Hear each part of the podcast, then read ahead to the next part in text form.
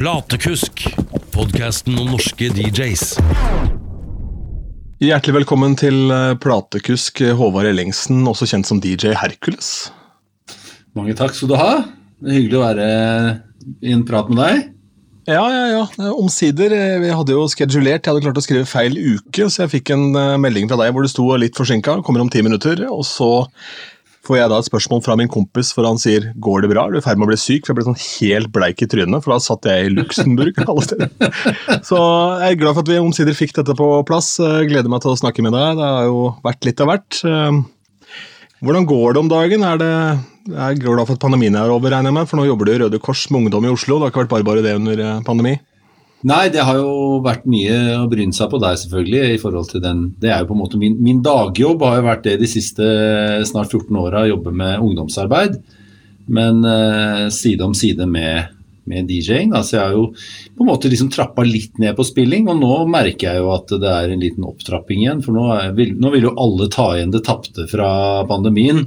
Eh, folk som skal eh, lage fester og firmaer som skal ha kickoffer og ja, Det er veldig mye, mye forespørsler, og det, det harmonerer jo litt sånn bra med at jeg merker at motivasjonen har liksom kommet seg litt opp igjen da, under pandemien. Jeg begynte å merke, liksom, sitte og kjenne på litt hva du savner. og Både det å gå liksom ut og oppleve musikk og live sjøl og sånn men også det å stå der og spille. det er liksom, Når du får det litt på avstand, så ser du også liksom hvor viktig det er, og hvor mye jeg får ut av det. liksom. Så det har vært en fin liten sånn eh, reality-check på det, da.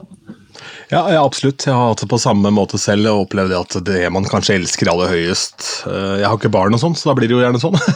eh, har blitt på en måte frarøvet deg. Du har ikke hatt mulighet til å drive med det foran mennesker. da, og da opplever du også å kjenne på sånn helt annen type glede over eh, å faktisk til dels kunne leve av dette. da. For det er mange som gjør ting som ikke er så fett, for å si det sånn. Det er, det er et veldig godt poeng. Det er liksom man glemmer å tenke på hvor stort uh, privilegium det er å liksom kunne gjøre si, hobbyen sin eller lidenskapen sin til et levebrød, som, som for meg er som har vært med DJ-ing, eh, selv om det ikke har vært liksom, er, I perioder så har jeg liksom levd av det 100% men det har bare vært snakk om liksom et år eller to. Men det har vært en sånn viktig todeling i mitt liv, da, at jeg har hatt liksom en sånn ja, eh, en, en, en vanlig dagsjobb på en måte som har liksom vært en del av karrieren min, og så holdt uh, DJ-karrieren varm side om side med det. da. Mm. Ja, Det har egentlig rulla godt, og så blei det jo 20 år på radio der også, sammen med Tommy Tee. Det kommer vi tilbake til. La oss spole enda et hakk før det. Eh, Hvordan blir man eh, en så profilert DJ som deg eh, ut av kløfta? Altså, hva, Hvordan Ja, starta det? Det er morsomt at du spør. Jeg hadde nå For et par dager siden så hadde jeg min første offisielle spillejobb på Kløfta siden fritidsklubben på tidlig 90-tallet, så det er litt morsomt. Kløfta er jo ikke et sted som så veldig mange kjenner til, men det hadde faktisk det var togforbindelse på Kløfta før det var det på Jessheim, så det er det jeg ofte bruker å liksom eh, vise til. Da, at det, det har jo vært et knutepunkt, ikke sant. Men eh, nei, jeg flytta jo til, til Kløfta mm, da jeg var eh, en fem-seks år gammel, så, sammen med faren min. Jeg har skilte foreldre. og eh, Da var jo Kløfta enda mindre enn det, det det er i dag, men det hadde en fritidsklubb, og, og den fritidsklubben brukte jeg mye tid på.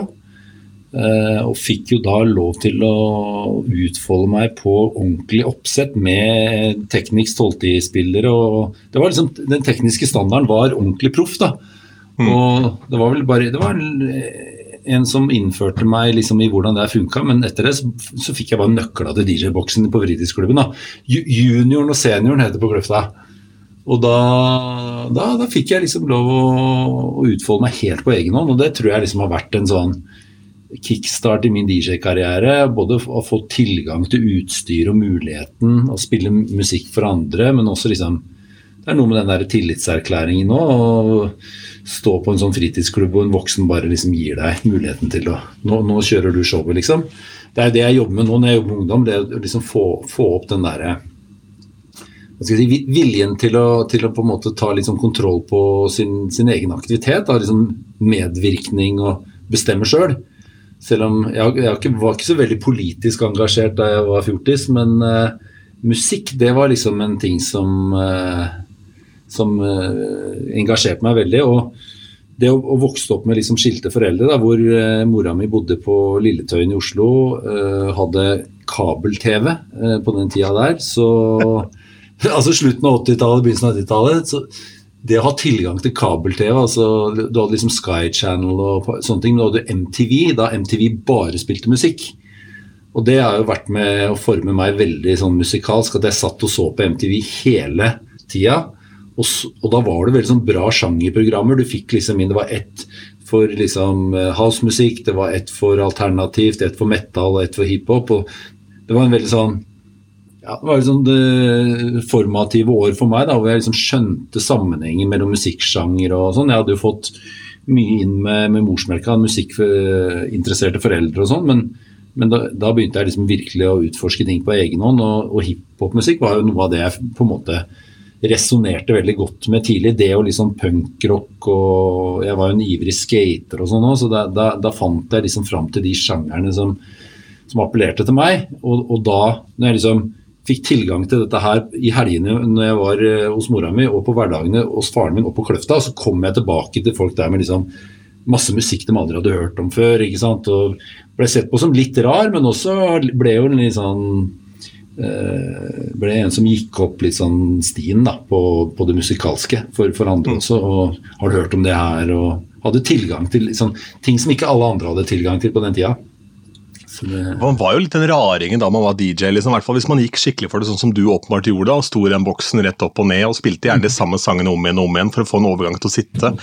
Da blei man da han der merkelige fyren da, som bare holdt på med det. Hva er det du driver med for noe nerdopplegg? Litt sånn som kanskje gamere følte nå for for ti år siden, da, ikke sant. Mm. Nå er jo det big business òg, eh, sånn sett. Men hvordan kom man seg ut av den DJ-boksen på den ungdomsklubben? da? Fordi jeg hadde ja. en lignende opplevelse hjemme der hvor jeg kommer fra, og der var jo Per nå så tror jeg jeg er den eneste DJ-en som begynte der som jeg kan huske, som fremdeles holder på aktivt. da. Det er mange som faller av det lasset, men du har jo gjort det til et levebrød i ettertid. Ja, Nei, det, det, var liksom noen år etter fritidsklubben, hvor, hvor DJ-inga ikke var den, det, det, var ikke noen sånn overgang til det å begynne å spille ute med en gang. Det tok, det tok, noen år etter altså Rett etter videregående, da, det var da jeg kjøpte meg liksom mitt første eget DJ-oppsett og sånn. Og begynte å komme sånn inn i, i hiphop-miljøet i Oslo. Men jeg tror jeg hadde mine første liksom, betalte spillejobber ute på byen sånn i, i 96, 95-96 i Oslo. Så det var noen år imellom der. Det var ikke liksom direkte overgang, men, men, det var det at jeg hadde allerede slått litt rot i Oslo og begynt å få litt nettverk der og sånn. Og når jeg kom liksom inn i Dette skjedde jo litt via Dias fra Esheim, som også var liksom Han var jo litt inne i det hiphop-miljøet før jeg kom inn like hardt som det, da. Men han øh, gikk jo opp litt løypa for meg, og, og når jeg kom liksom i kontakt med med Tommy T og, og T Productions og liksom Warlocks og hele, hele den gjengen rundt der, så, så, falt brikkene litt på plass. Og, og da Vi åpna en musikksjappe på Grønlands torg i 96. Det var da Dias og Tommy og meg, og så var det Christer Falk. Eh, Bennys musikk. Vi liksom slo oss sammen da, for, å, for, å, prøve å ja, skape en eh, rein sånn hiphop-sjappe som solgte da vinyl og CD og videoer. og Uh, ja, og det, det, det, var veldig sånn, noen kule år da, hvor jeg liksom kom veldig inn i det og fikk ja, kjøpt alt kjøpt, Brukte alle pengene mine på musikk. liksom Spiste nudler og bare brukte hele, lønna på, på vinylskiver. Men, uh, så da begynte liksom ballen å rulle. da Og parallelt med dette her, når du har vært liksom, du har nerda skikkelig på én musikksjanger, sånn som jeg gjorde på hiphop på den tida der, så opplevde vi da på slutten av 90-tallet, når, når, det ble liksom sånn 98-99, så ble jo plutselig hiphopmusikken en av de liksom ledende sjangerne ute på klubben også. Så da, mm. da ble jo liksom etterspørselen etter Hvis du var god på liksom hiphop, R&B og det greiene her, så ble det plutselig eh, en etterspørsel. Så da merka jeg liksom at spillejobbforespørslene begynte å virkelig komme inn. da. Mm. Mm. Men i det momentet her så kom jo også NRS. Da der begynte du i 98, kan det stemme? Ja, det, 1997 det var første året jeg ble med der. For jeg ga meg jo 2017 på 20 år. Uh, og jeg kom jo inn i, i, National Rap Show som en erstatter for Colin, som hadde vært, med, eh, vært der før meg, da, fra 1993 da det starta. Så det hang jo sammen med at uh, jeg begynte å henge mye sammen med, med Tommy Diaz, Warlocks og alle de der. Og, og da liksom eh, fikk, fikk, være med på et par radiosendinger og begynte å skjønne at dette her var noe som jeg hadde lyst til å bruke tida mi på. Så jeg var med å skape litt sånn ekstra stemning der, og da skjønte vel Tommy at det var greit å, at jeg kunne bli den nye sidekicken, da. Og det ble jo til et ja, 20, 20 års samarbeid. Mm. Ja, og det funka jo formidabelt. 20 år på National Rap Show ukentlig. Det blir jo fort uh, fader med over 2000 timer radio. ja, jeg har ikke gjort det regnestykket sjøl, men det, det, er mange, mange fredagskvelder da, er det via til, til radio. Ja, Var det live, eller? Hver fredag? Ja, vi gjorde det nesten alltid live. Altså, noen, eh, altså, noen, ganger skulle vi spille inn liksom litt av noen sendinger og sånn, men det var noe med hele formatet eh, som gjorde at liksom live det, det, er improvisasjon. Det er ganske sånn senka skuldre og litt rølpete tone og sånn, og da er det Det, det blir liksom Altså, det, det, passer mye bedre, det formatet med å være, være live, da, eller live on tape, som vi gjorde noen ganger. Mm. Eh, det hadde vært, National Art Show hadde hørtes veldig annerledes ut hvis vi hadde begynt å jobbe redaksjonelt og forberede oss på ting. Så jeg tror det, var sånn, det har alltid vært en litt sånn motstand mot det. Da, at uh, Hvis vi skal bli et sånt program, så da blir det, da blir det konseptet helt annerledes. Det var som Da de starta Excel i 93, var det vel, så skulle jo P, 3 skulle låte som Radio 1. Det var sånn Hvis det kom gjester, så måtte de være veldig forsiktige. De tok igjen dørene tett på mikken. ikke sant? Masse kompressorer og sånne ting. Så sier Espen Thoresen vi gjør helt motsatt. Vi skal eh, være så langt unna mikken vi kan. Bare brøle ut i rommet. og så Hvis vi får gjester, be de smelle så hardt som faen i dørene. liksom. Her skal det skje ting. Eh, men NRS er jo det eneste av de programmene, kanskje også Filmpolitiet, som er igjen på P3 av de gamle gode.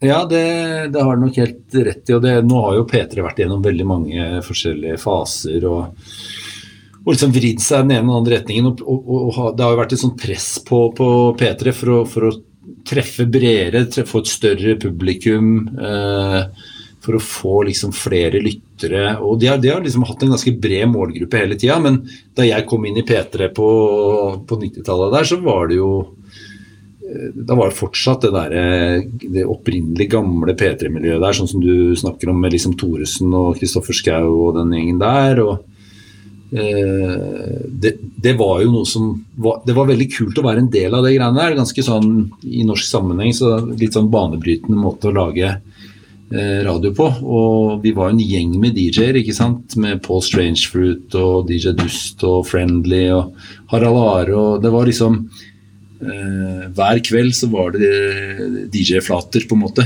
og Det var en del mm. av, det, det, formatet likte jeg jo veldig godt. da. Så da, da det ble en beslutning om at liksom P3 skulle bli litt sånn snillere og litt bredere, så, så kjenner du jo med en gang litt på den motstanden. da, At uh, det føles viktigere å, å, å liksom lage noe som er litt på sida, litt litt innovativt, litt banebrytende, istedenfor å lage noe som er skreddersydd til en målgruppe. på en måte. Helt en annen måte å tenke på for meg, i hvert fall. Ja, helt enig, men det der er jo en diskusjon som Kjempestor diskusjon. ja, og så er det et eller annet. Man kan sitte og gokle så mye man vil, men de må jo svare for noe, de som sitter og tar disse avgjørelsene òg. Og de må gjøre De skal jo svare for budsjetter og ting og tang for det er jo mindre folk som går med til å lage disse sendingene som går nå, enn hva det var den gangen da. Det må være lov å si. Det, det, det var helt annen, eh, mm. helt annet format og annet uh, rigg rundt det, men jeg syns jo liksom at samfunnsoppdraget til NRK er jo ikke nødvendigvis å og, og liksom treffe bredt. Man skal jo ivareta og representeres eh, undergrunnsmiljøer og det, den slags, og da er det jo Utfordre litt, ja, ja. Ja, Jeg tenker det er ganske sentralt. Mm. Helt enig. helt enig. Mm. Men eh, 20 år med NRS, ja, få noen gode historier. Altså, det er jo møtt utrolig mye internasjonale kjente folk. altså det har Ta oss gjennom noe av det. Hva er det som gjorde inntrykk? Eh, altså, hvis det, er, det er jo sikkert hundrevis av episoder, men uh, ja, nei, de, de, de tinga som på en måte jeg har opplevd som det morsomste, er jo liksom å Når du driver en, et lite sånn sjanger spesialprogram eh, som er en del av, av liksom hele NRK-maskineriet, når du først får en tommel opp for å gjøre noe eh, spesielt, da, et arrangement, eh, om det er liksom et jubileum eller vi, om vi skal liksom rigge oss til på en festival, de greiene der har vært veldig kult. Husker de, de, Vi har vært til stede flere år på Kvartfestivalen bl.a. Hvor vi liksom det ene året fikk jo et, et, et av hustaka i, på, i Kristiansand med liksom fullt anlegg. Eh, hvor vi dro inn alle artistene som hadde vært på scenen, skulle opp på det taket. og Da var det liksom helt fritt fram med, med freestyling. Og, og vi, vi, følte at vi hadde veldig sånn backing og masse ressurser å rutte med og sånn. Kjempegøy, da. Så det har vært et par sånne sammenhenger hvor vi har fått lov til å liksom eh, dra, dra, veksel på liksom NRK sine ressurser og sånn. Det, da, da, det har vært gøy, altså. Men jeg synes egentlig, Det kan vi prate litt om, faktisk. For Kvarten syns jeg har fått en sånn Det endte så jævlig et shitshow. Det var så dårlig de siste åra, på en måte. men men uh, også fikk uh, Øya umiddelbart så mye kred fordi de hadde så mye norske band. og som Alle de hadde jo vært på Kvart før. altså det var sånn, altså, Kan du ikke ta oss litt igjennom det i og med at du var til stede der også? altså Kvarten var jo helt ekstremt viktig. Ja, det var jo det. Det hadde noe om liksom uh, hvordan hele den derre pletoraen av eh, festivaler eh, var altså Den gangen så var det jo veldig få festivaler. Sånn at Kvart klarte liksom å lage en hadde en totalitet som var veldig bra, og hadde ikke så mange konkurrenter på den tida. Og så jo, så kom jo liksom Slottsfjell og Stavern og alle disse her, litt mindre, som da hadde på en måte litt vind i seilene fordi det var nye festivaler og folk var litt klare for nye opplevelser. Men, men det, det, Kvart klarte å få til i de åra eh, den var aktiv, det var jo ganske unikt, liksom, både i forhold til Eh, hvilke navn, hva slags bredde, hvor liksom relevante ting var. Og, den kombinasjonen av når du ligger i en by og klarer å få til den klubbbiten etterpå, samtidig som du har liksom kule liveting og den glidende overgangen og de VIP-områdene som de alltid liksom dro på skikkelig med kule DJs, og, og, og hvor mye de hadde å si for hele liksom både det norske miljøet, men også relasjonsbygging på tvers av, av grenser. At du kunne liksom du hadde sett folk på scenen, og så satt du plutselig på vippen og prata med en, en, eller annen artist med en øl i hånda. og Fikk eh, litt sånne opplevelser for livet, følte jeg. Det er ikke så mange arenaer som jeg har sett som er, har vært sånn som det der. Hvor det har vært såpass liksom, god, god, stemning og kort vei mellom eh, eh, ja, de forskjellige aktørene. Det var jo faktisk så god stemning at Krompen fant sin kommende kone der, så ja, og det jeg lurer på om jeg har en liksom, eh, aksje i det der. Fordi jeg spilte på en sånn, eh, jeg tror det var Diesel, det der eh, jeansmerket som hadde en, en fest ute i skjærgården der hvor, hvor, jeg var DJ, og da plutselig så du liksom dukka det opp en par, tre-fire stykker i dress med øreplugg og sånn. Hva som skjer her nå? Og så kom jo Krompen og Mette-Marit, og det var liksom en av de første datene de viste seg offentlig. da. Så jeg tror at den musikken som jeg spilte den kvelden her, må ha vært en medvirkende faktor til at det liksom eh, Det gikk som det gikk. Tenker jeg, da. Ja, det kan du se. Det er jo, det er jo jobben, det å sette stemninga, selvfølgelig. Det er, det er det. Men eh, det har jo blitt eh, Ja, jeg må gjøre oss ferdig med NRS, da. Altså, det, av store stjerner da, som dere har snakka med og og møtt, Er det sånn at de aller fleste ikke lever opp til divanykkene og ryktene rundt dem? For du hører jo noe med en gang hvis noen på en måte er litt høye på seg sjøl. Men overfor dere som er fagfolk, så vil jeg tro at kanskje dere får respekt med en gang, fordi dere veit hva dere snakker om. da. Ja, jeg tror det har litt det kommer litt an på hvordan man tilnærmer seg der. fordi jeg tror at den formelen til National Rap Show har nok vært for, for mange, i hvert fall rappartister, så, så, klarer de veldig raskt å skille hvem som er liksom mainstream og spør typ, liksom veldig sånn typiske standardspørsmål. Do you like Norway? Ikke sant? Mens, mens vi, vi, skipper alt det der og går liksom langt ned i puddingen med en gang. Og da, da, da får du ganske raskt respekt òg, for, for det første så blir intervjuet interessant for den som blir intervjua, fordi de svarer på litt andre ting enn det de vanligvis gjør. Og de kan få lov til å liksom også gå litt mer i dybden på, på sin egen musikk på en annen måte. Så, jeg, så, det har vært en ting. En annen ting er at vi har hatt en veldig høy stjerne både i Norge og altså Folk har visst om oss andre steder. Og i hvert fall navnet til Tommy har jo eh, når, når det blir nevnt i, i, den sammenhengen, sånn at uh, man skjønner at dette er et radioprogram som også representerer et liksom et miljø og noen av de som har liksom vært uh, i game i så mange år, så, så har det helt klart gitt en, en, en sånn styrke og, og autoritet da, i, i, møte med de vi har hatt kontakt med. Og så er det jo alltid sånn at man har en forventning eller sånn bilde av at den og den artisten oppfører seg sånn og sånn, og så har man plutselig liksom fått en helt sånn motsatt opplevelse. Fordi de du forventer at kanskje er litt høye på pæra og litt, litt, vanskelig å intervjue, kan plutselig være superlett å ha med å gjøre. Og så kan det være noen som gir deg store utfordringer som du ikke hadde regna med. på en måte, så men, mm. nei, så Det har vært veldig gøy. da, Men av, av andre sånne um, National Rap Show-øyeblikk, så har vi har jo hadde jo den der, det, de 15-årsjubileet vårt hvor vi, det var boksekamp med meg og Cast på scenen der. Som var ganske spektakulært for fulls, fullsatt uh, Rockefeller. Ja, for det, det må vi inn på her, for det så jeg det ligger på YouTube. Ja. Det ligger fortsatt eh, og den så jeg, og du er den første bokseren eller fighteren jeg har sett i mitt liv som rydder din egen boksering, da, eh, før eh, det er du som fjerner monitorene. Ja, og måtte vaske øl, eh, for det var masse ølsøl på scenen. Da, så det måtte liksom ta en runde med filla der også før vi starta. men, men, hva var bakgrunnen for det greiene der? For det var jo det var rett og slett jævlig pinlig for Cast, da. Ja, altså det Bakgrunnen var vel at Cast og altså XS, Cast og FM hadde eh, blitt intervjua av Natt og Dag, og så var det et par sånne spørsmål. Så var det sånn Nyttårsforsetten din, hva er nyttårsforsetten, eller hva skal du gjøre i året som kommer? Så, bare, så sier Cast nei, jeg skal utfordre Hercules til boksekamp, sånn. Og da tok, da tok, jeg jo den på strak arm, og så gjorde vi det. Men, men side om side med det her, så jobbet jeg jobba jo i P3 på den tida der. Eh, ikke bare med National Rap Show, men også som journalist med ansvaret for å liksom dekke alt som eh, bl.a. karate gjorde, hvis du husker karate med Kristoffer Schou og Alexander og Kyrre. Eh, og samtidig som det så drev de og jobba med Team Antonsen. Og der var det jo også en greie hvor parallelt med dette her så bestemte jo da Kristoffer seg for å utfordre Atle Antonsen til boksekamp. Den gikk jo på TV.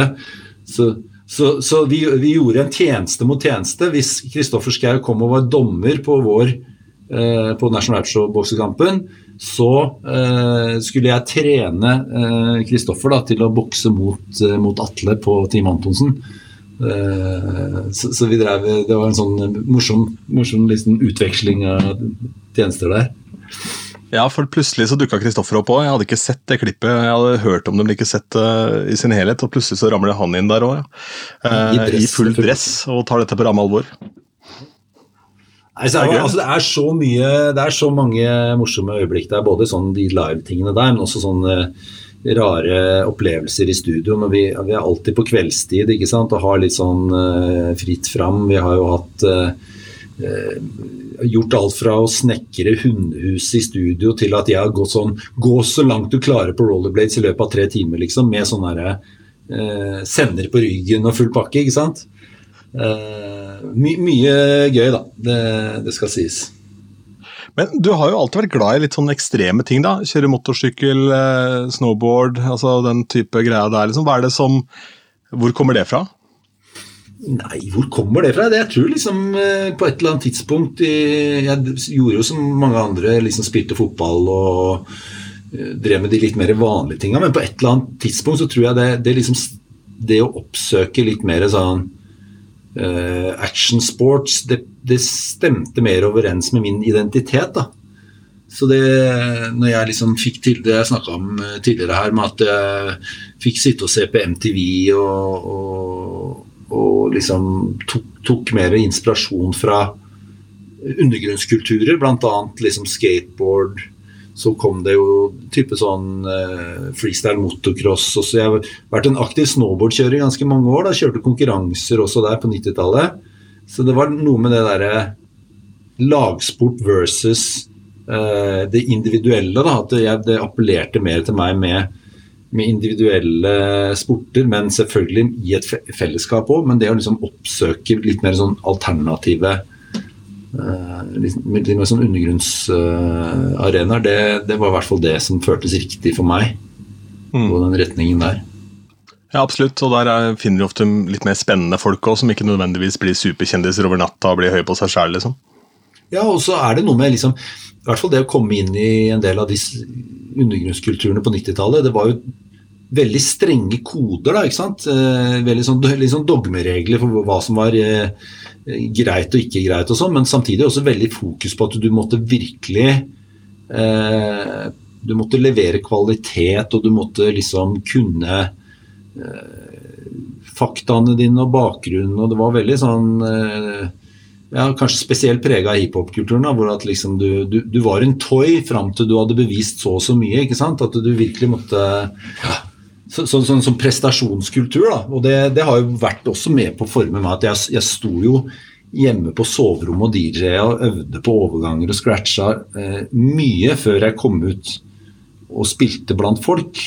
Mens eh, i senere år så ser jeg jo liksom at det er det mots... Altså, det er så lav terskel for å DJ at bare du har en eller annen device du kan trykke på play på, så, så, er du liksom i gang. Mens på sånn jeg kom i gang, så var det helt på andre sida av spekteret. Liksom. Du skulle vite hva du drev med, og du skulle kunne både det tekniske og liksom ja, kunne levere godt. Uh, ingen skulle komme og liksom si at du ikke visste hva du drev med. Nei, eh, helt klart. Eh, men det er jo mange aspekter til DJ-ing òg, fordi at teknologien går videre. Får liksom ikke gjort noe med heller.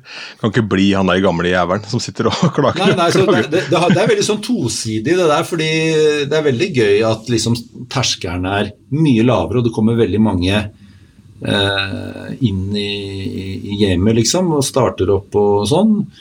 Eh, samtidig som det da blir Føler jeg da det har gått litt på bekostning av på en måte DJ kunsten, liksom, hva er eh, hvor, skal, hvor, skal, vi legge oss når det, når det, gjelder hvilke krav vi skal stille til hvem som Hva er en god DJ, på en måte? Det, det er jo det, som, det, spørsmålet som ligger der. Hva, hva legger man i det?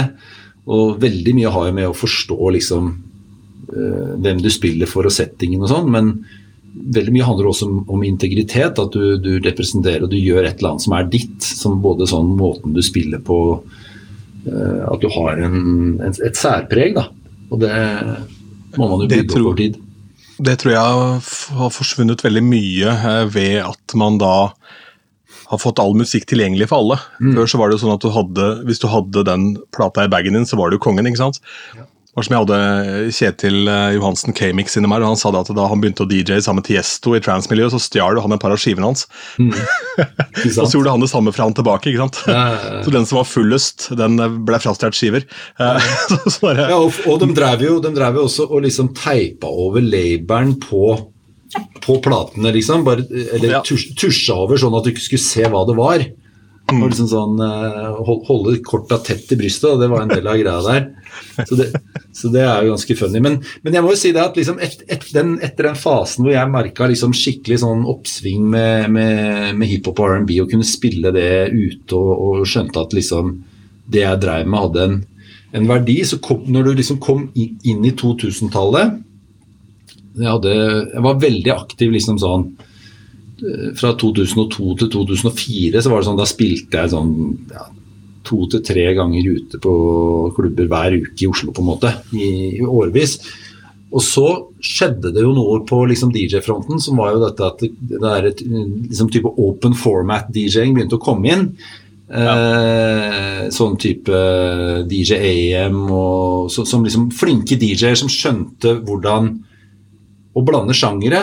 Og det, jeg, jeg, mener jo at liksom jeg og et par andre, siden jeg har en si, selv om jeg har et eh, utspring fra hiphop, så har jeg en veldig allsidig musikksmak i bunn. Så, så, når jeg så liksom at dette her var noe som også øh, begynte å funke litt i Norge, det å liksom blande hiphop-bangere med techno-bangere med liksom rockebangere og, og, og, og beatmix disse tingene så det liksom overgangene satt og sånn, det var noe som liksom publikum virkelig bare responderte så utrolig på. fordi liksom Her går det an å gjøre det, liksom. Jeg har aldri hørt eh, de låtene liksom bli blenda sammen på klubben. Så, så, det var jo noe som jeg Der så jeg et potensial. så det, det gikk jeg, det, jeg levde jo litt på det noen år. At jeg liksom gjorde en del mikser som folk altså Folk hadde ikke hørt det blitt gjort, liksom, i hvert fall ikke på klubben i Norge. da Nei, det er fremdeles vel ikke så veldig stort i Norge. Jeg opplever jo noe når jeg gjør bryllupsting og sånn, for jeg driver jo med det opplegget der da, ikke sånn voldsomt utstrakt. Det går jo på en måte stort sett i bolker, men altså du har sjangerskiftet som skal gå sømløst fra en sjanger til et annet.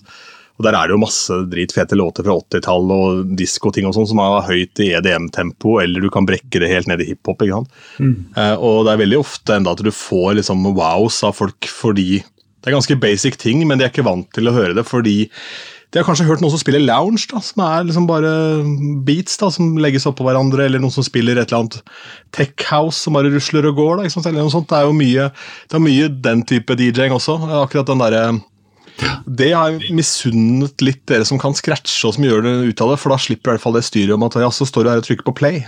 ja, ja, ja. ja nei, altså, det der er jo sånn, fordi den der type drop-mixinga som jeg har Dette henger jo også mye sammen med at jeg har spilt veldig mye på, på liksom type eh, ekstremsportarrangementer. Det å liksom bygge opp, det å spille til snowboard- og skateboardkonkurranse bl.a., det har jo vært en greie som jeg har gjort veldig mye av, og som jeg var liksom tidlig ute også med. Og da å skjønne liksom det der dramaturgiske der, hvordan å bygge opp musikken oppunder en eller annen uh, sånn action sports uh, performance, da, det, det, har jo vært noe som også har ja, vært en veldig sånn treningsarena for meg. Å liksom time ting og, og, og, være kjapt ute med liksom å lese hvor dette her går igjen, med å bygge opp musikken til en sånn derre ja, eh, til, til en, ja, ikke sant. Uh, så, så, så, du, det, var, mm. Ja, du var offisiell DJ for Arctic Challenge ikke? i mange Arctic år? Challenge i mange år, og så gikk det over til å bli X Games. Jeg har vært liksom offisiell X Games-DJ når det har vært i Norge. Da, de siste, Det har vært fire ganger, det. Mm. Mm. Men, men, det er jo vanskelig sikkert å forklare men hvordan løser man det? For i USA så har jo enhver enhver baseballkamp, omtrent enhver uh, hockeykamp. altså de har egne DJs på jobb. da. Mm. Ja, det er en DJ i alle settinger. hvert eneste, De har en offisiell DJ for de forskjellige uh, idrettslagene. da. Mens i Norge så er det ikke så veldig vanlig enda, men det kan hende det dukker opp etter hvert. Men det er jo høyoktan. altså Hvis noen tryner på det snowboardet, hva, hva altså, ja, er, det, er det power out? da? Jeg har jo også stått og spilt hvor folk har eh, tryna og slått seg altså alvorlige ulykker, liksom. Og det, det, å da gå fra der til og liksom der nede, og så, så, så, så, må du på en måte lese altså det som skjer og atmosfæren, og tilpasse musikken til det. Du føler jo at når du spiller på sånne konkurranser, du er som en sånn fyrbøter som skuffer køl inn i lokomotivet, liksom, og bare bygger ting opp og bygger ting opp. Men så, er det jo, så skjer det jo hele ting liksom uforutsette eh, hele tiden, skjer det hele tiden liksom uforutsette ting. Da. Så du må være veld, følge veldig med på utøverne samtidig som du liksom ligger alltid to skritt foran i, i, i på en måte selection din, er hva du skal spille. Uh, så, men, det, men det, stiller jævlig høye krav til at du både må liksom være kjapp og kaste deg rundt, skifte låter, prøve å få det til å passe inn. Altså Du spiller jo basically ett minutt av en låt, kanskje ikke det engang. ikke sant? Og så må du ha en ny mm. en, og det må passe litt sånn til kanskje kjøreren, kjørestilen. Uh, så ja, nei, det Og så er det jo litt sånn Innenfor snowboarding og ekstremsport så er det jo de to leirene. Du har på en måte hiphop-gjengen, og så har du den punkrock-bagen der. Eh, og ja, Du må kanskje vite hva kjørerne liker litt òg, da. Ja, det er litt det. Ja. Ja. Nei, men altså, Det, det drev vi med på, på X Games. at Kjørerne, når de registrerte seg, så skulle de også legge ned sånn tre låter som de eh, Tre ønskelåter de hadde da, til å kjøre til. ikke sant? Og Da ser du litt hvor det ligger. og, og sånn som du sier, så var det kanskje litt mer sånn tydelig før i tida, de der campene, hva slags stil du assosierte deg med eh, musikalsk hvis du var en snowboardkjører. da. Det, det, har nok med den yngre generasjonen blitt også smelta mye mer inn i hverandre. Hvor jeg føler at alle har litt peiling på alt. da, ikke sant? Alle vet litt sånn De, de liker De har allsidig smak. De kan liksom Ja. De, de, digger, eh, de digger forskjellige ting, og det er kanskje litt mer oppdatert i bredden enn det, det min generasjon var. da kanskje blitt mer innafor å tilhøre forskjellige, altså flere leirer òg. Før så var det sånn ja, jeg er hiphoper, ikke sant. Og så kunne du ja, ja, men kanskje du liker noe ordentlig tung tekno, for det er jo fett liksom når det funker. Men, uten at du skal bli shama for det, liksom? Ja, ja. ja. Men det, ja, Stusslig, det, det er jo ganske interessant, fordi det er også sånn Det ble jo sånn eh, her for noen år siden så var det jo en sånn stort opprør mot å på en måte bli plassert i en sjanger. ikke sant? Mange unge artister som kommer ut som liksom de vil ikke ha en merkelapp, da. Det er liksom en del av greia. De skal være ja. ja. Men uh, noe må det jo kalle seg likevel, da. Uh, men jeg tenker da, Hvis man er uh, ung DJ og tenker at det der hørtes jo helt sinnssykt ut, da, å gjøre sånn, sånne type arrangementer, da, kanskje i litt mindre skala, la oss si det er en lokal greie, da. Mm. Hvordan er det man uh, går fram for å presentere at man har det som trengs i en sånn setting? Altså, la, lager du en mixtape? Altså fordi Hva skal jeg si? Du får jo ikke oppleve det som skjer der og da, før det skjer. Nei, du må jo på en måte bli gitt sjansen til å gjøre noe i den, i den retninga. Det er sånn å levere jeg, har aldri, altså jeg har kanskje blitt bedt om det i løpet av min liksom 25 år eh, karriere som DJ. Eh, pluss eh, har nesten aldri blitt bedt om å levere en liksom prøvemiks eller noe sånt. Det har alltid gått på, på, navn og rykte, og at noen har sett meg i en eller annen setning. Så det er jo sånn man bygger uh, rappen sin litt. At uh, man uh, man gjør en god jobb, og så, så, blir man lagt merke til. Og så bygger man seg derfra. For jeg tror det er veldig vanskelig å komme liksom inn, rett inn på en sånn arena. Da, det, det, det, tror jeg, det, tror jeg, er ganske krevende. Men ja. Ja, ja det er det jeg tenker òg. Liksom, du må kjenne noen etter hvert. Men da kan det plutselig være den gigen du gjør da, foran det kjøpesenteret på det greiene for de kidsa, som gjør at du får den jobben. Da. For du aner jo ikke hvem som har en kid som er med på den konkurransen. Ikke sant? Nei. Og så må du liksom være Du må jo vise at du er oppdatert og, og liksom kan levere på Fordi å spille på sånne ting, det er jo å spille også for uh, unge folk som er liksom ja, oppdatert på alt, på en måte, og alt det nyeste. Så det, det stiller et visst krav til at du kan liksom Eller min styrke da er vel at jeg fortsatt er liksom interessert i å følge med på nye ting, men har kan liksom dra historien inn i det. så å blende liksom ny og gammel musikk på og, og, og Ofte spille liksom kanskje ny musikk som, du, som har referanser til noe gammelt, et sample, et eller annet, sånn at du back to back kan liksom uh, ha en rød tråd i det du spiller. Da. Det, det syns jeg ofte er gøy. Mm. Krydre ting litt, ja. Ja. Helt klart. Mm. Eh, du har jo DJ-a mye live også for artister. Eh, Warlocks, Diaz, uh, Son of Light. Ja, hvilke andre? Det er jo en hel haug, er det ikke det? Ja, det er hele gjengen hvert fall, som var tilknytta til production. Da, da har du liksom Gatas Parlament og Mao og ja, Don Martin og sånn. Og så har jeg liksom spilt en del med alt fra ja, litt Paperboys, Madcon Uh, og til og med DJ her for Oral B. Uh, det har vært mye forskjellig, da, for å si det sånn. mm. Det er kult. Så, det er gøy, da. Ja. Og så har det vært veldig mye sånn store hiphop-jams eller konserter hvor liksom jeg er DJ-en på scenen, og så er det en lineup med masse artister, og da er det jo den som på en måte står der og blir både Altså, det stilles høye krav til deg fordi du spiller med noen som kanskje har en eller annen preferanse på hvordan de vil ha det, og så må du prøve å lese det. og og bare ja, og, og, og ta regien òg. Når du er live-DJ, så er det du som bestemmer dramaturgien og når ting stopper og starter og sånn. Så å gjøre det på sparket, kommunisere med artisten og sånn, det krever at du, du, må ha, du, du, må ha, en del teft og, og skjønne hvordan du skal liksom eh, fyre av og ja, spesielt kommunisere med artistene. da, det, det er ganske viktig det er en fordel å ha en form for respekt her i utgangspunktet, tenker jeg. At ikke de tenker at her kommer det en klovn som skal trykke play, ikke sant? og så uh... Ja. Nei, det er sånn uh, Altså, bare å se altså, Alle de hiphop-konsertene jeg har sett, da, så er det sånn Bare det lille du forstår med å time i forhold til liksom, når du starter låta, hvordan en Eh, en rapper eller en vokalist liksom fyrer opp publikum, og at du, du, liksom, du veit å time ting riktig. Da. Det, det, det, har mye å si. og Du, du skjønner egentlig ikke liksom, hvor mye det har å si før du ser noen som liksom virkelig ikke får det til. Da, da, da ja. Det blir som et skihopp som går til helvete. Ja, ja. Mm. Jeg, jeg, jeg kan jo irritere meg over det. Mm. Ja, ja, ja, men det er jo helt umulig å øve på, tenker jeg. For det må nesten havne i den settingen for å på en måte lære det. Eller du kan se andre gjøre ja. det, men allikevel du skal stå der sjøl.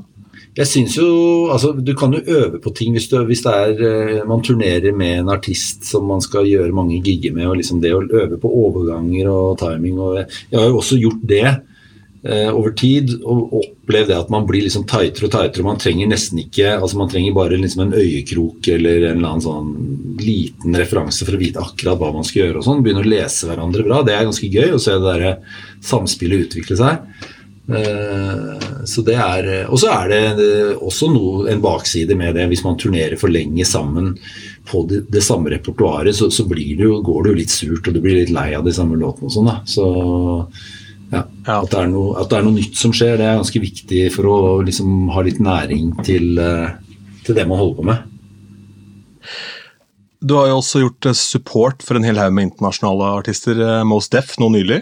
Mm. Eller Yasin Bey. Mm. Eh, det var jo stappa sjappa, det som vanlig? Det var det, men det var nok også litt pga. at det var første liksom, ordentlige hiphop-konserten etter pandemien. Så jeg tror han solgte litt ekstra billetter på det også. Mm. også det var jo en eh, Det var jo liksom tribute-turneen til Black On Both Sides-albumet fra, fra 99 som var forsinka. Og mange av fansene sto vel og venta på at han skulle gjøre en kavalkade av de gamle greiene, men det var jo Første, første, par låtene var vel bare at han dansa til uh, noen John Coltrane-låter og kasta roseblader over seg sjøl og sånn. Så det var et lite innslag av performance art før liksom, den gamle hiphop Mos Def kom, kom fram i lyset der. Så, men jeg, nei, det, det syns jeg er veldig gøy da, med sånne warm-up-sets også, for det, det er liksom litt sånn Du spiller på en sånn oppadstigende greie, og så så er det ikke sånn Du må ikke stå og holde dansegulvet i gang i to timer. Du kan egentlig bare liksom bygge opp noe, og så overlate scenen når, det, når du har fått opp stemninga. Så det er, en, det er, en, viktig jobb, og det er en morsom jobb med sånn oppvarmingssett. Hvordan jobber du overfor artist og management da, for å vite hva de vil ha? da? Altså hva, hvor de det, vil at det det er ikke så ofte Det har, det har kommet noen ganger noen sånne forespørsler fra management og sånn om hva slags type liksom stemning de vil ha og musikk og sånn, men, men, det er egentlig overraskende sjelden hvor Altså hvor sjelden du får føringer på sånne ting. da. Så jeg opplever egentlig bare at det har vært uh, altså, og, og mye pga. at jeg skjønner Hvis jeg varmer opp for Moos Def, så, så, så, står jeg, så, står ikke bare og spiller gangsterting, liksom. Da spiller jeg ting som passer litt inn i, i profilen og med fansa hans og sånn. Så det var jo ganske morsomt der, da, at jeg kunne liksom bla fram litt mer av den der gamle conscious eh, hiphopen og, og gå litt inn i det sånn eh, med, med en ramme rundt det. da. Så det var gøy, det. Ja, det er moro med sånne settinger. da. Jeg hører jo det på måten du prater på, at du er interessert i den bredden i alt her. altså Det er selve faget som kanskje er det mest spennende for deg, sånn, i uansett setting. da.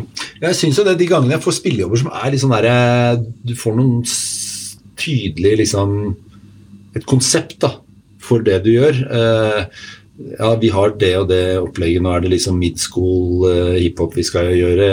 Eller så er det type ja, old school eller en, en viss liksom Ja, en, en, setting eller en ramme rundt det, det, da syns jeg det er litt gøy, fordi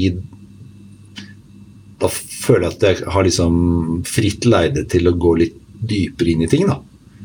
Og, det, ja, og jeg liker også veldig godt de, de jobbene hvor, hvor, det er et publikum som er mottagelig for litt nye ting de ikke har hørt før. og sånn, At det, det, går an å liksom ja, gjøre noe litt nytt alt, alt er gøy når man kaster ut en sånn låt, så har man en sånn som er sånn semikommers. Mm. ok, Hvis de digger den her, så kan jeg gå dypere, dypere ikke sant? Mm. inn i materien. og det er alltid Da du på en måte treffer med en, to, tre, fire av de, så bare oh, wow, shit, faen, det her blir jo en kjempekveld. liksom. Mm. mm. Men du har gjort afterpartyer òg, og noen ganger så er jo, veit du ikke hva afterparty er. og Det er mye omskrevet eh, Miley Cyrus-festen. Ja, ja, ja. hvor, hvor, det er en, et party for henne, dansere og crew. Det er en ganske fet uh, greie, da. Ja, det kom på veldig kort eh, varsel. Den der tror det var bare én dag i forveien. At hun hadde ytra et ønske via managementet om å ha egen DJ på, på sitt private eh, afterparty, som bare skulle være hennes skole og sånn. Så det var en, eh, en sånn takterrasse bort på Vika der med, hvor, hvor liksom gjengen hennes kom. Kjempemorsomt. Det var sikkert kanskje 30 stykker der eller noe sånt. Og det var god stemning. Spilte vel hele natta til sånn, sikkert sånn sju-åtte om morgenen, tror jeg. Eh, Så det har vært ja, mye sånne afterparty-gigger òg. Det, det syns jeg også kan være ganske, en ganske kul setting å spille i.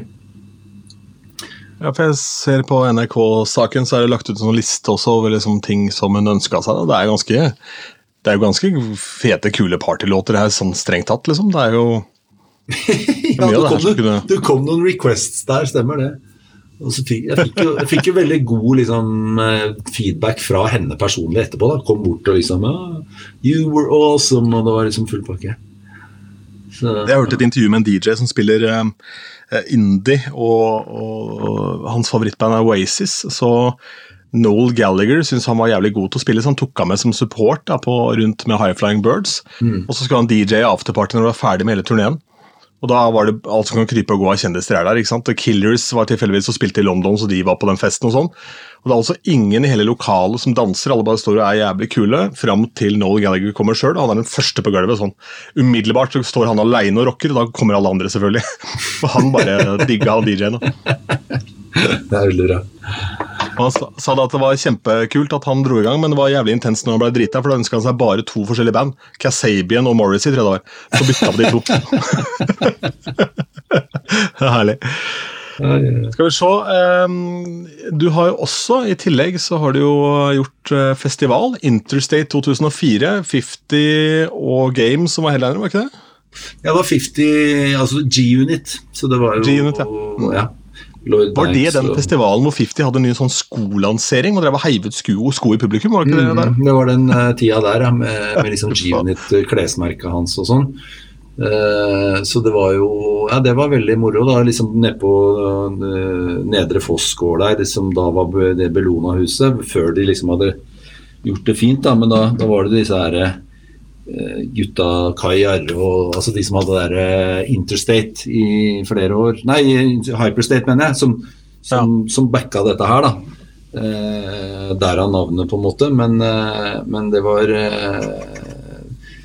ja, En av de morsomste sånn, oppdraga jeg har hatt, tror jeg. Da var jeg konferansier og DJ der liksom, og skulle introdusere såpass store navn. Da. Det var vel 6000 i crowden der, tror jeg. Og, ja, og det var ganske Det å kunne ha en rein hiphopfestival av den størrelsen i 2004, det var ganske spektakulært, syns jeg. Var...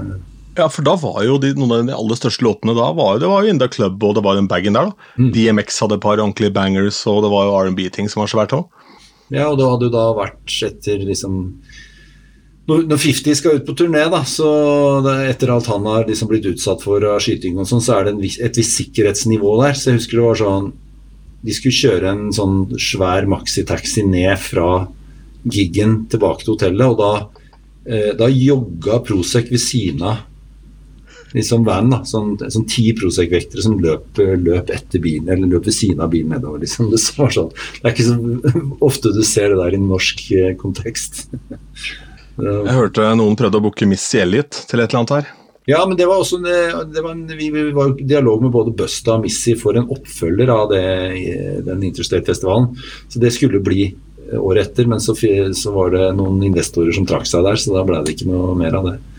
Men, og Missy hadde et uh, krav om at hun skulle ha skuddsikker bil. Ja, riktig. Og det er det jo ikke så jævlig mange av i Norge, da. Det er, er kongen og statsministeren har ja, en der. Du, da må du ja, undersøke litt der om det er noe Litt, litt Dele med Harald. Ja, ja.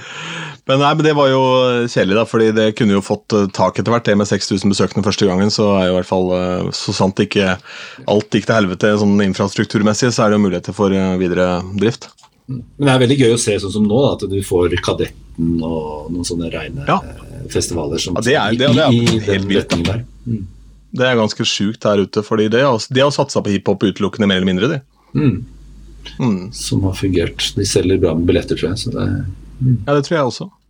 Men uh, dette arbeidet med ungdom, da, hvordan endte du opp med å altså En kombinasjon av de to er litt kul, da, for da blir jo du han, han annerledes fyren, som ikke er en sånn rett opp og ned straight dude. Uh, for da er jo du DJ med alle disse her rapperne og sånn. Så jeg vil jo tro at det har hjulpet deg veldig i kommunikasjonen med en del kids, som kanskje er vanskelig å komme inn på.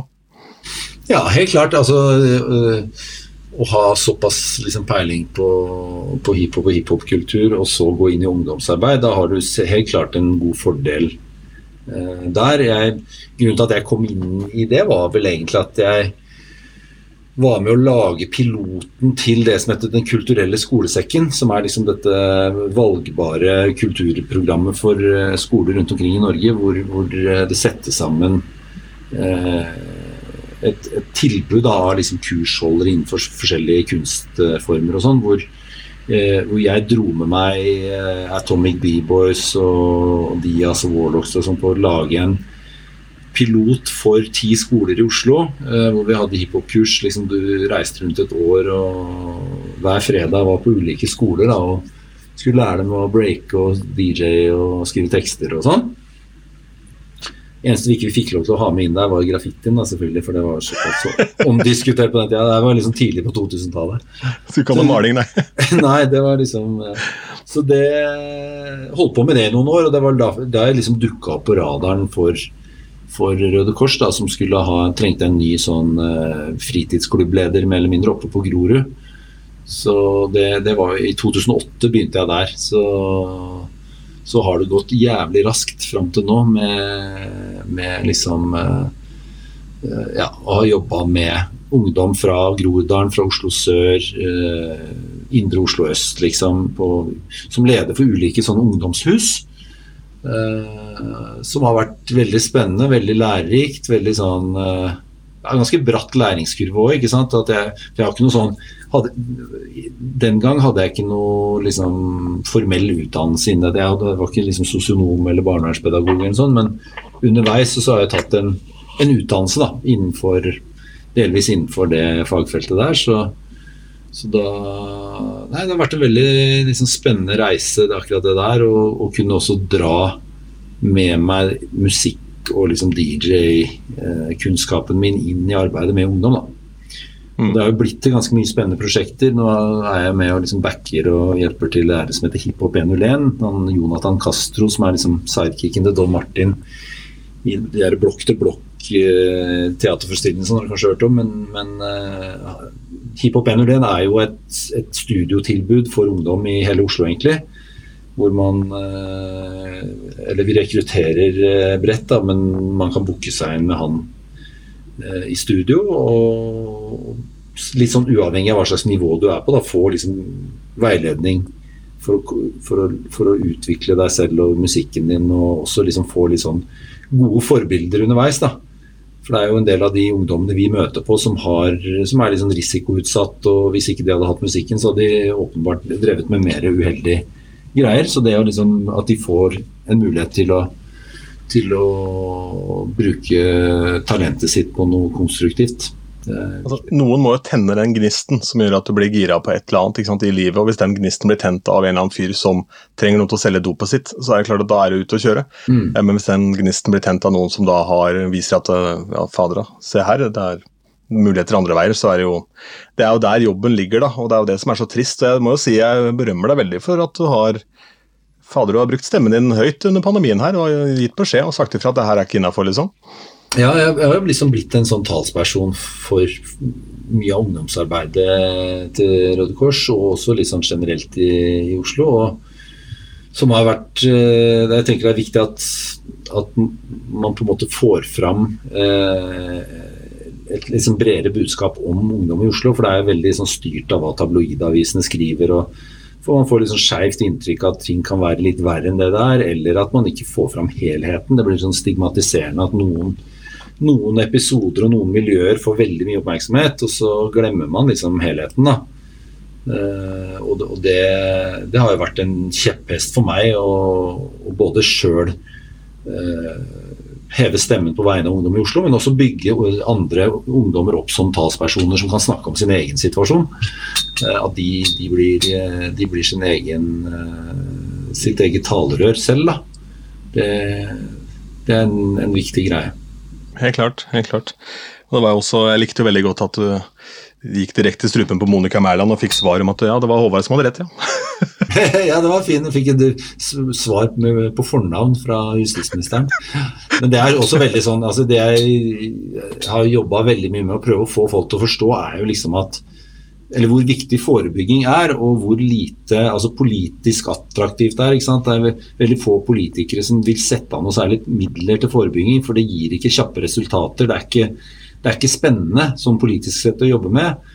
Men, eh, og så ser man jo bare konsekvensen av det. Hvis man nedprioriterer forebygging, så, så, så går det noen år, og så får man en fremvekst av sånn ganske sånn uh, ugreie miljøer rundt omkring hvor, hvor det går, har gått altfor langt da, fordi man verken har liksom fulgt med eller brukt nok ressurser og investert i de, de ungdommene. Og, eh, og når jeg jobber med sånn type kriminalitetsforebyggende arbeid som jeg gjør, så sier jeg jo ofte at det, det, det, de virkemidlene vi har, da, er jo egentlig det å lage aktiviteter eller tilby ting som konkurrerer med det de vil få tilbud om på gata eller av mer negative miljøer. Du, du, er i en konkurransesituasjon. Du må, du må, by på aktiviteter som er liksom sånn Du må være spennende, du må klare å liksom være kul og tøff og bygge en identitet og liksom føle at du får de opplevelsene. Tilhørighet øh, og mestring. Så, så, hvis du kan tilby det da, gjennom f.eks.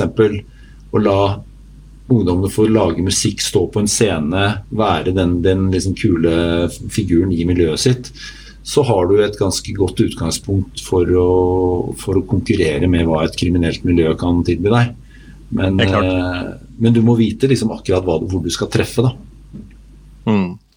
Ja, det er, eh, ja, det er ikke lett det der heller. Det er ikke bare bare å være politiker, men som du sier, det er lett å slå liksom, billig politisk mynt på noe som er uh, mer sexy på papiret. Da. Men det her handler jo om å spare penger i framtida. fordi jo flere som havner utafor systemet, jo mer penger koster det å ta hånd om disse folka etter hvert. Så, mm.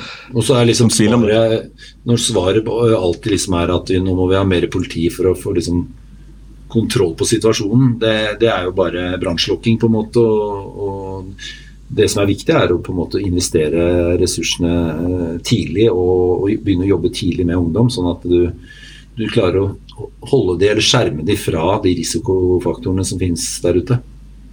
Mm. Det er eh, viktig arbeid, og det er kult at du klarer å kombinere det med å finne på annet gøy på nattestid. Sammen med Miley Cyrus eller Yasmin Day eller hvem det måtte være. Eh, før jeg lar deg gå her, så skal vi gjennom eh, en spalte som jeg har kalt Not so rapid fire. Det er noen spørsmål du kan svare så mm. kjapt du vil. Hva ville dagens DJ Hercules fortalt han som begynte på ungdomsklubben på Kløfta? Ja, det er et bra spørsmål. Uh, nei, jeg, jeg, tenker jo uh, Nei, det må vel være at du må liksom stole enda mer på deg selv og dine egne instinkter, kanskje. Ikke være redd for å, for å liksom gå din egen vei litt tidlig. Jeg var jo veldig opptatt av å være, liksom, følge kodene hele tiden, før jeg liksom blei modig nok til å, til å liksom stå litt på egne bein og, og, ha min egen stil. Men jeg tror liksom at eh, innenfor DJ-ing som i mange andre kunstformer, hvis du finner ditt eget uttrykk tidlig og, og har, finner noe som er spesielt ved deg selv, og, og liksom dyrke det, eh, og ikke være redd for å satse på det og dyrke det, da noe som er deg, ja. Mm. Egenart. USP, som de kaller det da de driver og selger et eller annet. Uh, Favorittgig? Og der, Den er todelt. Som du har vært på, og som du har gjort. Å oh, ja. Ja, ja, ja. Uh, nei, den morsomste spillejobben, det kan Altså, der er det veldig mye å velge, da. Men jeg har jo noen sånne uh, jeg har én spillejobb i jungelen i Costa Rica sammen med Asbjørn Slettemark, som, jeg, som, var eh, ganske som var ganske utagerende, for å si det sånn. Vi sto vel inne inn på en sånn eh, ferieresort inni jungelen der og spilte skiver. Der hadde det vært en, en, en, fast DJ i flere måneder som da hadde spilt mye reggae, og det, jeg er veldig glad i reggae, men jeg tror nok den selectionen hans hadde liksom blitt litt sånn den hadde blitt litt brukt opp. da. Så når vi kom inn med helt annen musikk og litt annen selection og bare dro på der, så ble det Det tok jo helt av. Og folk kom bort til oss etterpå bare You guys, you really made a difference, you know. Og bare Hele lokalbefolkningen bare elska opplegget, da. Så, så det, det, den står veldig høyt opp på, på lista av spillejobber for meg, da. Ja, jeg kommer til å ha full innboks her hvis ikke jeg nå spør hvordan dere to endte opp der. Ja, nei, Det er også et godt spørsmål. Nå er det sånn at uh, Jeg endte opp i Costa Rica på, som uh, gjest i bryllupet til Asbjørn Slettemark, fordi vi er gode kompiser. og Han, han trengte både en bryllupsfikser og en DJ, så da ble jeg med på lasset der. Uh, men vi, vi, kjenner hverandre opprinnelig fra, fra P3, Asbjørn og jeg. Da, fra Han hadde pyro og sånn, Så og, og, det her med liksom eklektisk DJ-ing og på tvers av sjangere, så fant jo vi hverandre veldig i det at begge likte rock og metal og hiphop og klarte å øh, Og visste hvordan vi kunne liksom blande sjangerne og holde partyfaktoren høy, på en måte. Så, men, men, da Asbjørn kjøpte seg et hus sammen med Thomas Seltzer i jungelen i Costa Rica tidlig på 2000-tallet en gang. Så det, det var jo dit vi dro, da. For uh, så det er, det ene, i hvert fall den mest eksotiske spillejobben, tror jeg. Så har det vært Gigs du har vært på? Åh, ja, det er mye mye å velge der òg. Jeg tror at liksom sånn musikalsk sett, da, så, så vil jeg nok kanskje si at det som har gjort mye inntrykk på meg Jeg husker i hvert fall første gang jeg så The Roots i 95 kanskje, eller 96 på Kvartfestivalen det var en veldig sånn euforisk uh, greie med å være hiphop-fan og så se at liksom at de klarte å gjøre det med live instrumenter, og det låt så bra. Det var liksom sånn veldig mind-blowing opplevelse. og liksom, ja. Så den, den står, står, veldig høyt, den der gamle Roots-gigen der, husker jeg. Uh, de har jo også en av de mest spennende DJ-ene i Questlove, selvfølgelig, som tenker på en helt annen måte enn de aller mm. fleste andre. Så der er det verdt å sjekke opp eh, tingene han gjør, mixtapes og ting og tang. Som også er veldig allsidig i musikksmaken sin. Overraskende allsidig. Det er ganske morsomt. Skal vi se. Eh, du skjønner hva jeg mener med 'not so rapid fire', ikke sant? Ja, ja. Passe tempo. Fint tempo. Ja, bra det. Det har vært pandemi, kan ikke bare gønne på. Um, Favoritt-DJ? I Norge og internasjonalt? Hmm. Ja, altså eller kanskje lettest å begynne internasjonalt, fordi der er det Det har vært liksom to typer DJ som har inspirert meg. Det ene har vært liksom uh, turntablist uh, DJ-en som, som, på det tekniske og alt det er tilbake til X-Men og Scratch Pickles og sånn. Hvor, hvor uh, den turntablist-biten har, har var en inspirasjon lenge fra det også, at jeg har liksom brukt såpass mye tid på å bli teknisk god og sånn. Så der, der har jeg syns liksom sånn ja, Flere av de folka, men jeg husker jeg syns Rob Swift hadde en veldig sånn kul uh, greie. Kubert Qbert har jo også vært en, liksom, uh, en inspirasjon på, på, disse tekniske greiene, og så har det blitt flere og flere. DJ Noise har vært en som jeg liksom Han kjenner jeg jo personlig òg, men, men syns har vært en liksom veldig viktig DJ sånn sett. Men, men så er det jo den andre type DJ-en, som er klubb-DJ-en, liksom, og hvordan det Å se hvordan folk har utvikla seg der, så må jo liksom nevne Jeg vet ikke, kanskje sånn som A-Track, f.eks., som tok det tekniske og gjorde og, og, gikk over i på en måte Tok det hit på klubben og kombinerer det med å være en god teknisk DJ med en jævlig god forståelse av det musikalske, på en måte. Det, jeg syns jo det er veldig kult. Uh, eh, DJ AM, som jeg nevnte, uh, Rest in Peace, uh, har jo vært ganske viktig der. Syns jeg sånn som Jazzy Jeff og sånn er også en veldig kul sånn Jeg liker jo liksom alt det tekniske han gjør, i kombinert med liksom hvor brei han er. Ikke minst mindset hans er veldig kult. Mm, så jeg vil jo egentlig si at Jazzy Jeff har vært en ganske stor inspirasjon. Ja. Og så, Her hjemme, sånn ja. Ja, og da, da, er det jo vanskelig, for det er jo sjangerbasert, også sånn som jeg er vant til uh, At jeg vil helst gjerne nevne en favoritt innenfor de ulike sjangerne og sånn. da.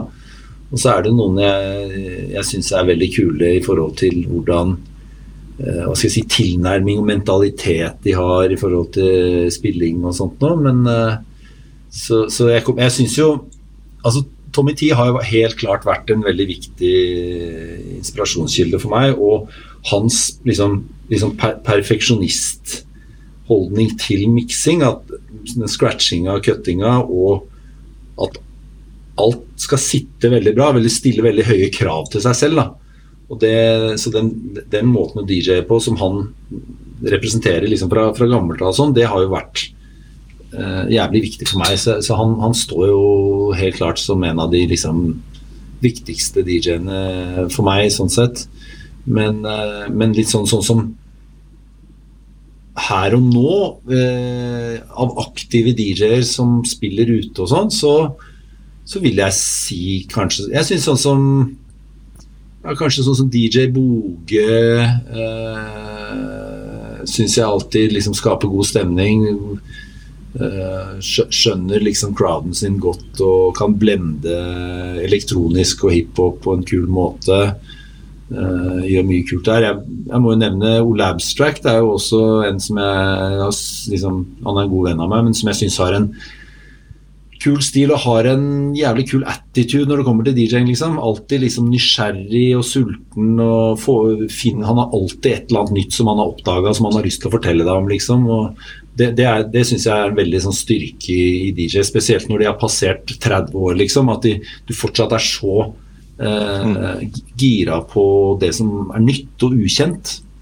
Jo... Deilig å klare å kombinere det med å være så laidback i forhold til det også, som Ole er. Eh. ja, ja, ja. Jeg leste en eller annen sånn der, uh, forskning, altså Psychology Today eller noe sånt, som hadde vist en forskningsrapport om at du, når du har passert 32, så slutter du å høre på ny musikk, liksom.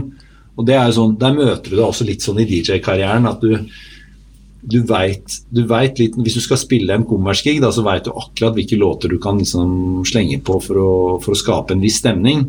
Uh, og så er det lett å bare bli værende i det sporet. At du bare liksom holder deg til en viss selection og liksom gjør ting veldig forutsigbart og A4. Men, men å, å, å, kunne gjøre det, men også liksom være en som virkelig stikker nesa si dypt nedi nye ting, det, det syns jeg det, det inspirerer meg når folk viser det. Ja, og nye, gamle ting, fordi det er så hardt drevet nå av de sangene som ligger i liksom, Spotifys liste. Dette er de beste fra 1995. Ok, ja, men er det det? Altså, fordi de sangene her, ja, de var kanskje store på radio, men det var de her som var på klubben. Mm, ikke sant? Eh, og litt den greia der, altså faktisk drive med litt sånn crate digging, som det heter på godt gammelt uh, norsk. da. ja, ja, ja. Det er en jobb der, altså. For det er jo de sangene du blir huska for. Jeg plukka fram nå, bare sånn fra toppen av huet, plukka fram Kelis med 'Trick Me'. Mm. Uh, spilt Milkshake i 100 år, ikke sant? og så begynte å spille 'Trick Me' isteden. Den har ikke folk hørt så mye. Mm. Uh, så man har liksom fått hvile litt, da. Så den funker som faen om dagen. jævlig gøy. Ja, men det er dritbra. Det er jo uansett en god sånn tilnærming, syns jeg. og og ikke alltid velge den mest obvious hiten til en artist, men liksom bla fram en av de som er litt mer sånn litt undervurdert ikke så ihjelspilt. Ja, helt klart. Og et sinnssykt bra tips der er setlist.fm. er jo et sånt uh, nettsted som uh, rangerer da uh, turneer med store artister. De har helt sinnssykt mange turneer. Så hvis du går inn der og ser da, f.eks. på JC, da, med spilte sanger til JC, er Public Service Announcement. Mm. Som jo aldri ble spilt på radio. Det ble en klubbbanger. Så jo, du spiller vel bare kanskje ja, ett minutt av den sangen, da, for du skal bare mm. ha med den biten det er bare den droppen der. Ja, droppen der, ja, stemmer. ja. Uh, og det er jo den låta han spiller på absolutt alle konserter. Den er mest spilt, Ikke sant? Ikke 99 Problems eller uh, Hard Knock Life eller whatever. Det er, liksom, det er den. og den er lett å overse, for den ligger jo ikke på, er jo ikke den som er strømma mest. Nei visst, det er mm. sant. Uh, hva er det Håvard liker best å gjøre når ikke han spiller plater? da? Nei, altså For meg så er det jo sjelden noe problem å, ikke ha noe å finne på. da, Fordi jeg har et enormt liksom, interessefelt også, da, med alt fra kjøretøy på to hjul, eh, både med og uten motor, liksom. Eh, sykling, downhill-sykling og sånne type ting. Alt av brettsport eh, er jeg veldig glad i. Liker båt og sjøliv godt. Dykking. I fjor bestemte jeg meg for å ta fallskjermlappen, så da gjorde jeg det i fjor sommer. Så jeg, det, er det, er kanskje litt sånn bucketlist-greie, men jeg, jeg har Jeg tenkte at kanskje årets greie skulle være elvepadling. Så jeg har litt sånn, driver hele tiden og utvider horisontene og ska, skaffer meg nye hobbyer, selv om jeg får jo aldri noe mer tid. Så det er vel heller det som er uh, utfordringen. Nå, nå, begynner jeg også å skjønne hvorfor det tok litt tid før Kast turte å gå på den scenen og bokse mot deg, for det gi seg løs på han fyren her. Som går i alt helt fryktløst. Det er ikke en god greie, vet du. ja, men det er viktig, det er også nå som jeg liksom begynner å krype oppover i 40-åra. så så tenker jeg det at uh, jeg syns Jeg blir mer og mer glad for at jeg er en person som har uh, det derre nysgjerrighetsgenet og litt den derre even, eventyrlysten uh, med meg, da. Det gjør jo Og en passion. ja, ja, at jeg driver og prøver å utforske litt nye ting hele tiden. Og, Mm. ja, og litt spenning. Siste spørsmål, kanskje det aller viktigste. Favorittbit i Twist-posen? Å, Ja, jeg, jeg er jo en som sverger til banantvisten, jeg, da. Og det er jo egentlig ganske bra, for de fleste stedene jeg er, så er jo det en mindre populær variant. Så den er jo alltid en som eh, som jeg klarer å Ja, den, den er ofte til overs. Ja, ikke sant? Så da kommer Håvard og soper de opp. Det er bra, det. Jepp. Herlig. Du, takk for uh, praten. Og eh, det er noen gigs i ny og ne. Bare følg med, så dukker du opp på radaren eh, fra tid til annen. Selv om det er mye annet jobbing og fallskjermhopping og alt mulig utenom. Ja visst, alt mulig. Så, men jeg ser fram til det den sommeren. her. Jeg tror det blir mye spilling og merker det at nå er det gode tider for å være DJ igjen. Så Du har hørt Platekusk, podkasten om norske DJs.